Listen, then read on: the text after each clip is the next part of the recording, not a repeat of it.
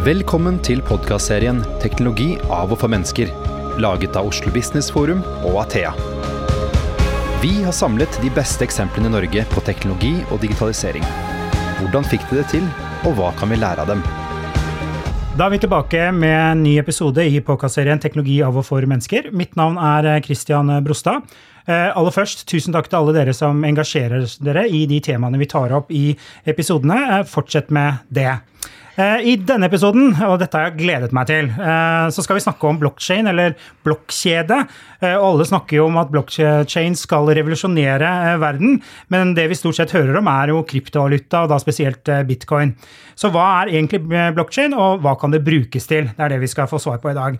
Vi har hatt med oss to flotte gjester som kan dette og har erfaring med bruk av blokkjede. Vi har Alf Gjøran Knutsen, som er daglig leder i Kvarøy fiskeoppdrett, og så har vi Espen Bråte som leder satsingen til EBM på Food Trust i Europa. Velkommen til dere. Tusen takk. Takk. Ja, dette har jeg virkelig gledet meg til. Altså, jeg tenkte jeg skulle utfordre deg, Espen, først. Ja. fordi eh, hvis du går på nett da, og prøver å finne ut hva er egentlig blokkjede, så kan du bli lettere mentalt forvirra. Eh, og hvis du skal liksom, med enkle ord forklare hva er blokkjede, hva vil du si da? For det første skjønner jeg jo veldig godt at det er lett å bli forvirra, og vi som jobber med det i seriøse, seriøse sammenhenger, er jo også eh, litt sånn forvirra i forhold til hva det er, hvordan ting henger sammen, og hvordan ting skal gjøres, og hvordan det kommuniseres. Kommunikasjonen rundt det har jo vært veldig mye hype rundt nettopp, som du sier, bitcoin og, og annen bruk av, av, teknologien. Men i eh, profesjonell sammenheng så handler det jo om ganske enkle ting. Det handler om evnen til å bruke eh, kryptering av, av, data og henge det sammen i kjeder av informasjon. Altså rett og slett blokker med informasjon med egne eh, krypteringsnøkler som henger sammen i en kjede. Ergo navnet blockchain som sådan. Det i seg selv er jo ganske kjedelig. Altså den evnen til, evnen til å henge data sammen på en trygg og sikker måte i, i, forhold til det. Men så kommer jo de spennende elementene. Hva kan man bruke det, det, til? Hvordan kan man bruke det på en måte som gjør at alle aktører i en kjede har tilgang til og tillit til den samme dataen? Og det er da det begynner å bli spennende å legge eh, forretningsprosesser på toppen av en slik teknologi.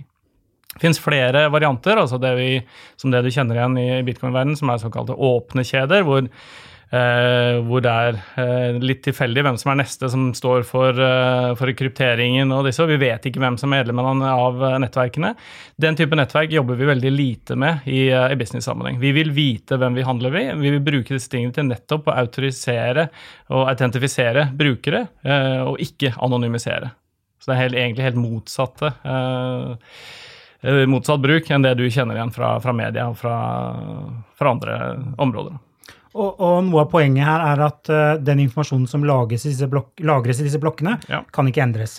Kan ikke endres, og man har den samme uh, samme tilgangen til den i, i, hele nettverket. Mm. Så er det jo også sånn de tingene vi jobber med, for det er jo for at man skal ha tillit i, i globale transaksjoner i dette, så er jo nettopp i, i vår verden så er jo data gull. Eh, og man er veldig opptatt av hvem som har tilgang på og innsikt i, eh, i mine egne data som egen organisasjon. Det er eh, kanskje en av de viktigste strategiske assetene til, til moderne organisasjoner. Så derfor å ha gode mekanismer for deling og sikring av deling, hvem som har innsikt i den dataen som jeg laster, velger å laste opp her, er helt avgjørende for at man skal ha tillit til å, å legge data opp. Mm. Så det er grunnleggende. Eh, hvis du skal liksom nevne noen bransjer eller noe sånt før vi hiver på fiskeoppdrett her, da. Eh, men hvis du skal nevne noen bransjer som har liksom kommet litt langt i bruk av, eh, av, denne teknologien, hvilke bransjer vil du nevne da? Du kjenner kanskje til prosjektene som vi har gjort sammen med Mersk i forhold til digitaliseringen av global handel. Altså det er jo sånn at uh, Selv om man har blitt fantastisk uh, effektive når det gjelder å flytte stålkonteinere fra, fra, A til B, så betyr jo ikke det at uh, papirflyten i, i, de samme prosessene har, har blitt like, like effektiv. Så evnen til å sikre transaksjonene mellom land, altså alt fra Bill of Laden til andre dokumenter som er viktige å dele og være sikker på i, i en hel kjede, har eh, vi nå eh, digitalisert sammen med Mersk. Det er en av de store utrullingene for, for blokkjede. Da handler det om rett og slett sikker utveksling av dokumenter. og, trans og transaksjoner. Den type, den type ting. Absolutt. Ja. Mm. Eh, Er er det sånn at um, eh, blokkjeden har blitt hyllevare? Altså, vi snakker jo om sky og sånn du kan kjøpe as a service-opplegg. Er blokkjeden en hyllevare? Blockchain er en hyllevare i, eh, i dag, og det er kanskje, kanskje det viktigste poenget i forhold til eh, den hypen som du er, eh, er opptatt av. At vi, eh, vi er egentlig selvfølgelig i en prosess hvor det bygges nye løsninger på dette, men teknologien er moden. Det selges eh, som løsninger som annen software. Det er sidestilt med andre software as a service-produkter som sådan. Og det er nettopp det vi i, eh, i Food har gjort, er jo å bygge nå over en årrekke standardtjenester som nå store deler av den globale matvarehandelen eh, er på og kjører, eh, og kjører på. Og vi, der snakker vi ikke om eh, utvikling av sånn, vi snakker om å ta i bruk moden teknologi. Alf Gøran, Ja. dere i Kvarøy fiskeoppdrett jo, har jo vært en av de første, kanskje, jeg vet ikke, i Europa, i verden, eller hvor, hvor bolde skal vi være, eh, å gå i gang med å bruke denne teknologien. Da. Hvorfor i alle dager landet dere på dette? Nei, i vår bransje, altså i fiskbransjen generelt, så er det jo, eh, er det jo eh, igjen knytta utfordring til det her med, med dokumentasjon og informasjon og sporbarhet. Eh, og enkelte, enkelte kunder stiller høyere krav enn en andre kunder. Og, og vi opererer i det amerikanske markedet eh, i hovedsak. Og der er det et eh, enormt krav til den dokumentasjonen og den sporbarheten som ligger bak det, der vi holder på med. Eh, og da er jo, eh, da er jo blokkjeden eh, midt i blinken. Eh, og jeg er litt overraska over at vi er de første som, som på en måte beveger oss inn på det. fordi at eh, det gir en helt, eh, en helt unik mulighet til å, til å kunne si at det her er faktisk vår fisk. Eh, det her gir kunden en trygghet i at de faktisk kjøper Kvarøy sin laks eh, i butikken. Det er jo ikke, det er ikke noe hemmelighet at eh, fiske, eller juksing i fiskebransjen er en stor industri. Det er jo nesten, det er nesten sånn at en større industri enn selve fiskebransjen. Eh, jukser mm. med, med råvarer, hvor de kommer ifra osv. osv.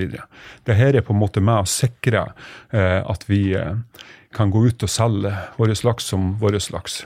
Det jo, vi har jo til og med opplevd å, å eh, eh, være ute i markedet og selge vår laks og møte folk som påstår de har vår laks. Og som ikke hadde det? Ja, ja, selvfølgelig. De satt i møte med meg, så hvorfor skulle de Hvorfor skulle de ha vår laks? Så det, det, det er hovedsaken, eller hovedgrunnen bak det. Og så er det jo sånn at vi, vi har veldig mye data.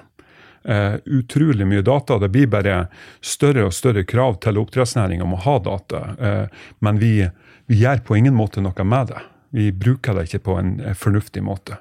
Vi, det, vi formidler det ikke ut til kunden på en god måte. Så det òg er dette prosjektet med på å, løfte opp. Men sånn eh, praktisk, da, altså det hentes inn data fra alt fra fòring, eh, transport Kan, kan dere forklare hvordan, for oss som ikke skjønner dette helt, da, hvordan er det dette praktisk foregår? Jeg kan jo prøve, jeg da. Men det, det jo, man må jo prøve å bryte ned i, i kjeder. Og da er det jo om å gjøre å ikke lag for mange òg, selvfølgelig. Altså, det, det, må være, det, må være, oversiktlig. Så vi har prøvd å brøtte det ned i, i rogn som én kjede, eh, smolt som én kjede. Eh, så har du da selve Smolt er ungfisk? Ja, det er jo den fisken Ja. på land som før du setter den ut i sjøen. Ja. Og så har du da matfiskproduksjonen i, i havet, da. Og så har du da transporten, eller logistikken, da. Eh, foredling, og så kunde eller sluttbruker. da. Så vi har delt, prøver å delt det inn i så få som mulig. Så har du selvfølgelig transport imellom de her leddene. Du har, du har eh, data i- innimellom òg som er med og knytter deg i hopen. Men det der er liksom de grunnleggende, hvis det ikke jeg tar mye feil. Masse datastrømmer, da. Hvordan i alle dager får du styr på de? Har du tilgang til alle datastrømmene? Hvordan fungerer det? Kanskje Espen?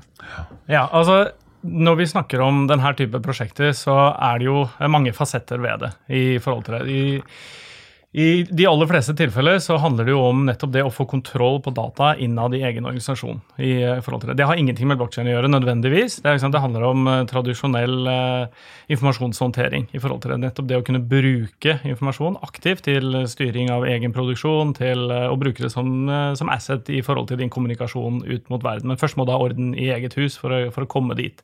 Det må mange organisasjoner begynne med i forhold til, i forhold til disse tingene. Eh, og så handler det jo om å innhente informasjon fra din egen verdikjede, altså dine egne underleverandører og den nødvendige eh, informasjonen du trenger, både som du ønsker å kommunisere, men også informasjon som du trenger i forhold til egen drift. Så jo, den dimensjonen er jo en av det. Når du har begynt å samle data i, eh, i dette, og begynner å bruke dataen aktivt i, i egen organisasjon, så ser vi på delingsmekanismene. Det er ikke sånn at du deler all data, du velger hvilken data du skal dele med hvem i kjeden. og Det er et utrolig viktig prinsipp i, eh, i forhold til dette. Og da blokkjeden i denne sammenhengen er delingsmekanismen i, eh, i forhold til dette. Sånn, at, eh, sånn som i ditt tilfelle, hvor du skal dele med Whole Foods og, og, andre, så er det selvfølgelig en annen datastrøm som Whole Foods internt får se, enn det som vi nå skal vise fram som konsumenten får, f.eks. Mm. Men den samme kilden. Mm. Men det er jo tilgangsrettighetene i dette nettverket som avgjør hvilken data som blir eksponert i forhold til dette. Og det er der teknologien spiller en, spiller en rolle. Mm. Unnskyld at jeg er litt enkel, men uh, det betyr at uh, ok, du skipper en boks over ikke boks, en kasse med, med fisk, ja, laks. Ja til Whole Foods i USA, mm, mm. så kan de eh, boksen merka. Mm. Ikke fisken, men boksen merka. Eh, ja. Så da kan du eh, Eller det videreforedla produktet merka ja. spesifikt. Ja. ja. Og det er samme for, eh, for, for forbrukeren, som mm. også da kan skanne en kode eller et eller annet. En QR-kode, ja. Rett og slett. Dette er jo nydelig. Ja. hvorfor, hvorfor er det så få som gjør det her, da? For jeg tenker det, det er jo en trend med, med, dette med at man ønsker å vite opprinnelsen til det produktet du kjøper. Hvorfor er det ikke flere som gjør det her? Nå vil, jo, nå vil jeg jo, faktisk si at det er veldig det er mange, som, mange som, gjør dette. Altså, ja. se på dette. Men innenfor fiske eller innenfor laks, da? Ja, I internasjonal sammenheng så er jo dette en, en voldsom trend i mm. forhold til dette. Vi har jo gjort uh, store prosjekter på, på, nettopp dette ute. I Europ, europeisk sammenheng så er det Carrefour som har kommet lengst med, med å gjøre dette. QR-kode på produkt med hel historiefortelling hele veien tilbake til, til gården og til, til kyllingen og til, til andre. Og, eh, og, de offisielle tallene deres i, i, forhold til dette er eh, salgsøkning på de varekategoriene som, mm. uh, som, har denne historien, opp mot andre, mellom 3 og 5% Og det betyr jo mye i, mm. i økonomisk sammenheng i, i, forhold til dette. Og Hvis du ser i de asiatiske markedene, så er jo nettopp det å, å handle med mobiltelefon, handle med QR-koder, det, det er sånn man gjør det. Ja, det er sånn det, sånn det er vi henger ganske langt eh, etter egentlig i det, i det, norske og det nordiske markedet når det gjelder å ta i bruk denne type løsninger. Vi var litt tidlig, men vi har altså brent, brent fingra en del på ganske mange dårlige løsninger når det gjelder nettopp det å, å skanne QR-kode på, på, produkt. Jeg tror, jeg tror vi var altfor tidlig ute med QR-kode. Og jeg trodde egentlig QR-kode var ut, men det er jo på, i markedet Det er hot, altså! Det er hot, ja. I det markedet vi er, så er det jo veldig, veldig hot. Og det handler jo om at uh, at forbrukeren, altså kundene stiller et helt annet krav. Det er jo et helt annet krav til informasjon. Eh, og det, det, er jo den nye generasjonen holdt på å si, som sitter med de her iPadene og mobilene hele tida, som, mm. som, stiller krav til det, rett og slett. Og, og, så er det jo å gjøre den informasjonen som du gjør tilgjengelig, da, eh, så lesbar som mulig, og så enkel, altså ikke enkel, men samtidig altså så informativ som mulig på så kortest mulig tekst. For de, de, de, de har ikke sånn veldig um, høyt uh, Hva skal jeg kalle det uh, Du holder, klarer ikke å holde oppmerksomheten veldig lenge, for å si det sånn. Så det, det er å få ut det som er viktigst. Og så er det jo en fordel nå, for tidligere måtte du ha en app for å lese QR-koden. Ja. Nå kan du gjøre det i kamera. Ja. Så det er mye mye enklere. Uh, og Fjøran, uh, utfordringer med denne teknologien? Har det vært noe liksom Du angrer ikke, hører jeg, men uh, hva har liksom vært det vanskeligste? Nei, eh, hva skal jeg si. Foreløpig så er det, er jo det vanskelig å få, få, tak i all data. Det er jo det som har vært den, den største utfordringa. Vi har jo veldig mange teknologileverandører inn i næringa, men veldig mange av de har ikke tenkt på det her, at de faktisk, den dataen bør deles på et eller annet vis. Det er, det er veldig lukka system eh, som ikke er, er laga for å dele informasjon. Så det har vært den eh, største utfordringa hittil. Ja. Og da er det informasjon fra dine underleverandører ja, som ikke ja, er klare for ja, å dele data? Ja, på noen måte. rett og slett. Mm. Eh, og så er, er jo dere sier jo, uh, og jeg tror dere på det, at dere er veldig opptatt av bærekraft og uh, miljø, og at alt skal være etisk riktig osv. Uh, mm. hvordan har blokkjede spilt en rolle i det rigget der? Nei, det handler jo om at du, du med at du er med på det og deler den dataen og den informasjonen, så, så, jo, så viser du jo at du ikke er redd for at du Altså, vi har ikke noe vi å skjule med det vi holder på med. Vi gjør faktisk alt det vi påstår vi gjør. Og vi prøver å, å eh, kommunisere det ut eh, på en god måte og, og dele den informasjonen om det. Eh, vi har jo vi gjør ganske mye ting som ingen andre oppdrettere gjør i forhold til eh, utvikling av fôr og i forhold til måten vi produserer fisken på.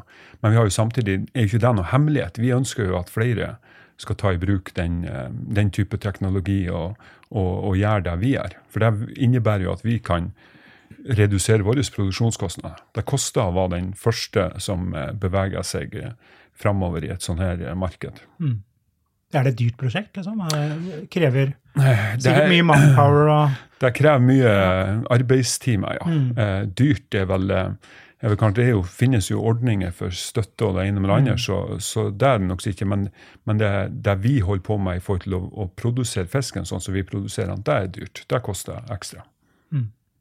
Uh, finnes det noe uh, For jeg tenker, det er jo, uh, vi, Laksen for oss er jo råviktig mm. som nasjon. da. Mm. finnes det noen arenaer hvor denne type erfaringer deles med andre oppdrettere? Jeg tenker Det er sikkert flere oppdrettere som Nå smiler du, men ja, er det liksom Dette er jo, kan jo være, bety, være litt sånn frigjørende for, for mange oppdrettere? da? Eller sitter du og holder på det selv? Nå snakker vi om det i podkasten, da. Ja, ja. Som, du, som, jeg sa tidligere, vi har jo ikke noe hemmeligheter. Vi deler jo all informasjon. Og, og, vi har jo ikke noe ønske at vi skal være de eneste som driver på med det her. Og det tror jeg heller ikke. Det er noen, noen må på en måte ta det første steget, og så kommer resten etter. Og jeg tror eh, går du fem år, så tror, tror du skal få vanskeligheter å ikke ha den, den, type teknologien og den type åpenhet om det du holder på med, og den type deling av informasjon til kunden. Mm. Og det ser du jo på den, du jo på den opposisjonen som er imot oppdrettsnæringa. Altså, mye av den, den, informasjonen de går rundt og, og, forteller, det er jo informasjon som er gammel, som er utdatert. Det er jo måter som vi ikke produserer fisken på lenger. Altså det er mm. antibiotikabruk og, og, greier som ikke eksisterer lenger.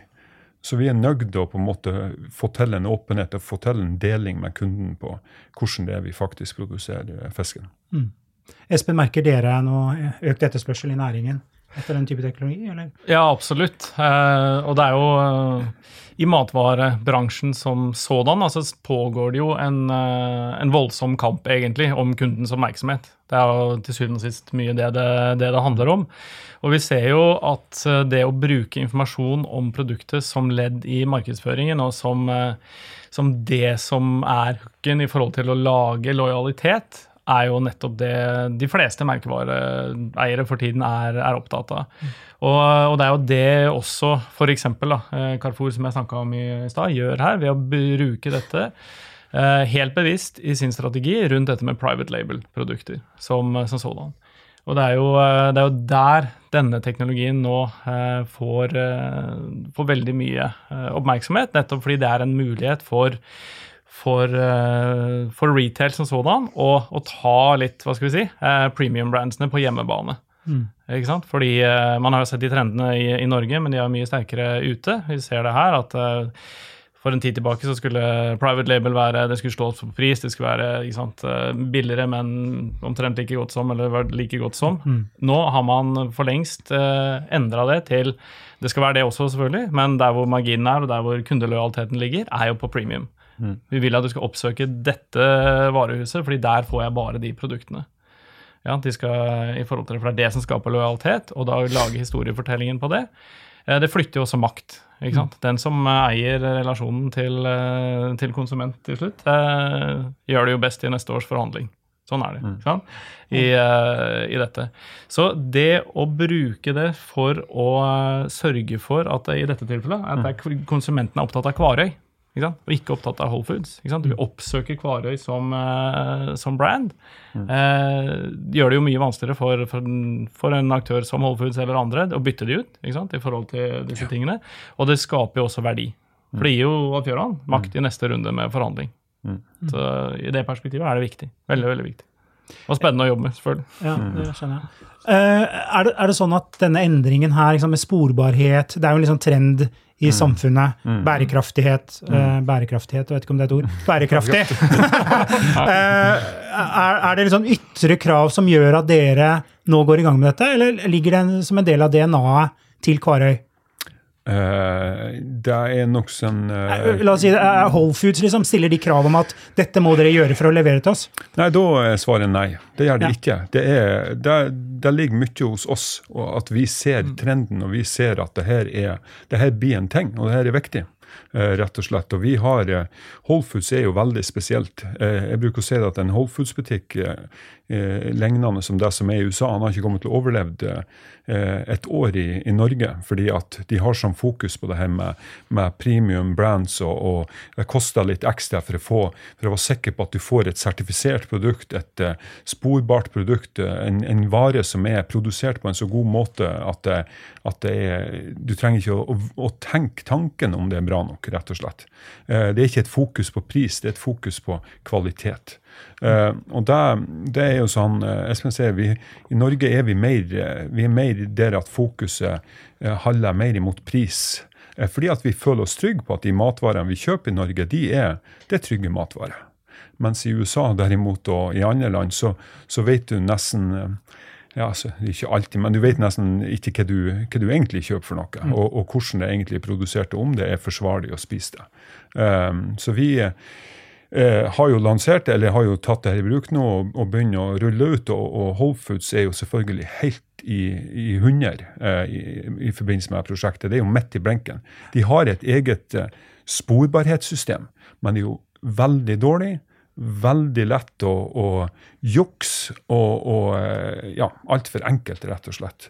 Eh, så de har på en måte vært på utkikk etter noe sånn som det her i, innenfor eh, fisk og den, deres salg av fisk. Så det, jeg tror at før du vet ordet av det, så har Whole Foods tatt det i bruk i alle, i alle fiskevarene de selger i sin butikk.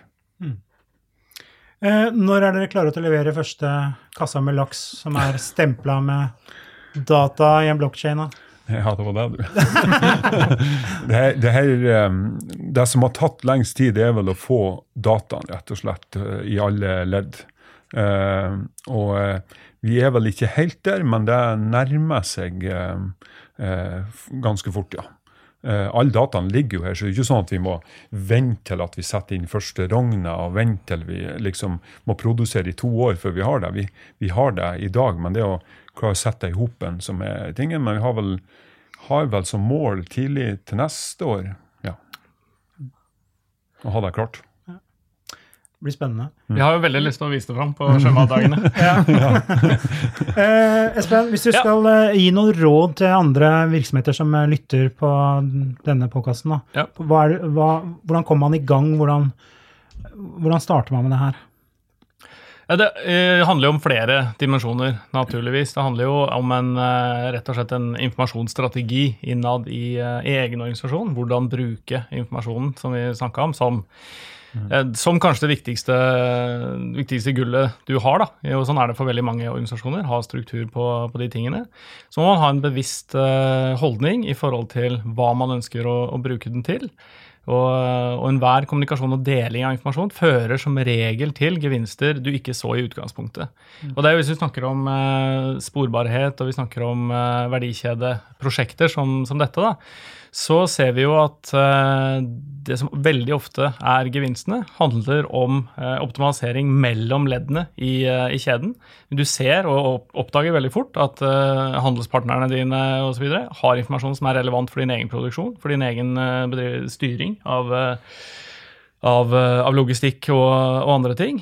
Og så ser vi jo nå som vi begynner å kombinere teknologier. Det syns jeg er veldig gøy, da. Fordi det handler jo ikke bare om blokkjede. ikke sant? Det handler jo om, eh, handler jo i veldig stor grad nå om eh, modenheten også innenfor eh, IOT. Altså evnen til å automatisere datafangst fra verdikjeden totalt sett.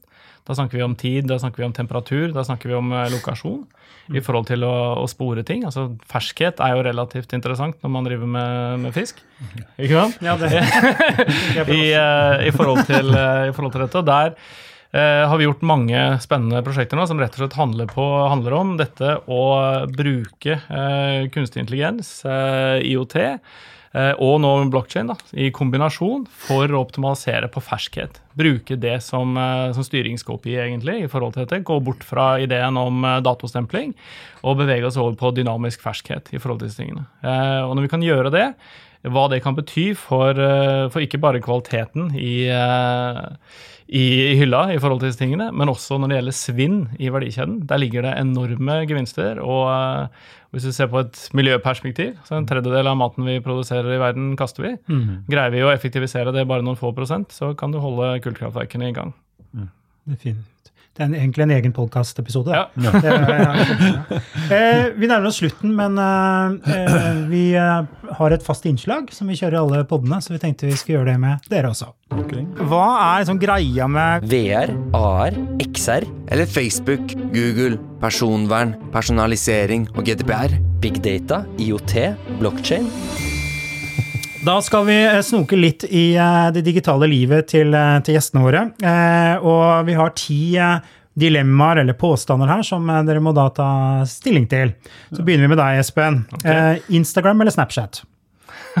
For mitt vedkommende ingen av delene. Ingen av delene? Er du på sosiale medier? Eh, ikke noe utover Facebook og LinkedIn. Ok. Alf-Gøran? Snapchat. Snapchat. Er du ivrig bruker? ja, jeg syns det er en uh, grei måte å kommunisere med fruen på. Så du har én der, da? Med fruen. Ja. Eh, Espen, tog mm. eller flyreise? Jeg har jo europeisk uh, jobb, så mitt uh, arbeidssted er jo veldig ofte fly. Mm. Ja, jeg Jeg skulle gjerne ha svaret toget, for jeg syns det er en ja. flott måte å reise på. Men det er litt vanskelig over til USA. Så jeg flyr. Ja. Eller båt, da. Ja, eller båt. det, er, det hit om dagen. Eh, Espen, emoji eller tekst? Du fremstår gammel her nå, men det blir mye tekst. ja, må, altså, skal ikke jeg på, ta på meg at jeg er ung, men jeg er emoji. Emoji, ja. ja. Men Espen, du spriter opp meldingene dine med noen emojis? Ja, da, jeg gjør, ja, det. Gjør det. Ja. Jeg spriter dem opp med for mange, kanskje. Det. og det verste er at du ikke vet hva de betyr, da. Ja, ja, det er det beste. Okay. Uh, fjerde, eiebil eller leiebil? Fordi jeg er eh, leiebil. Mm. Du har bil, men du er naulagt? Å uh, oh, ja, nei, jeg er leasebil. Du leaser bil, ja. Ok. Samme her. Leasebil. Mm. Ringe eller sende meldinger? Det er jo ja takk, begge deler, da. Men er jo, meldinger er veldig effektivt. Mm. Ja, heller send melding. Ja, Vi orker jo ikke å ringe snart. Ja. Så det er jo, ja. Eh, sjette, kjøpe nytt eller brukt klær? Går mye nytt. Nytt. nytt. Vi ser ikke dere på hva heter det, Uff og Fretex. Dere henger ikke rundt der. Beklager. Det er en veldig god idé, men jeg har aldri tid til det. Jeg leverer mye klær dit. Ja. ja. du er en leverandør. Eh, Lineær-TV eller streaming? Ja, det er streaming. Streaming. streaming. Ja. Hva er favorittserien om dagen, eller ser dere serier? Det har jeg ikke hatt så mye tid til i det siste. Nei. Jeg uh, reiser mye at jeg får tid til å se veldig mange serier. Um, så jeg ser uh, Akkurat nå er det Daybreak, tror jeg det heter. Okay. Ny på Netflix. Um, ja. Så jeg ja, pløyer gjennom mange serier. Det finnes, noen, det finnes noen serier om blockchain? Ja, det, det burde du ha. Det burde vi lage. Ja, okay. Ja. Tredje siste her. Eget kamera eller mobilkamera? Prøvde meg lenge med eget kamera, men ender med mobilkamera. Ja, mobilkamera. mobilkamera. Uh, her er bare ett riktig svar. Radio eller podkast? Podkast. Og den siste. Nyeste mobil eller bytte når den går, uh, blir ødelagt? Det er vel ofte nyeste. Ja. Jeg bor på øy, så egentlig så er det, skulle ikke ha den her preferansen, men eh, det nyeste, ja. Nyeste, ja. Mm. Hva, hva er dere, hvor er dere nå? Hvilke mobiler velger dere? Uh, vi graver skikkelig her. Ja, nei, vent, fordi, altså, ja, fordi, fordi, er det Sony. Sony? Samsung. Samsung ja. Note. Okay. Bra. Alf Gøran og Espen, tusen takk for at dere kunne komme. Ja, og tusen takk til deg som lyttet på. Du har nå lyttet til podkasten 'Teknologi av og for mennesker', laget av Athea og Oslo Business Forum. Følg oss i sosiale medier og på nettsiden vår athea.no. slash podcast. Vi setter utrolig stor pris på om du gir podkasten en vurdering i iTunes.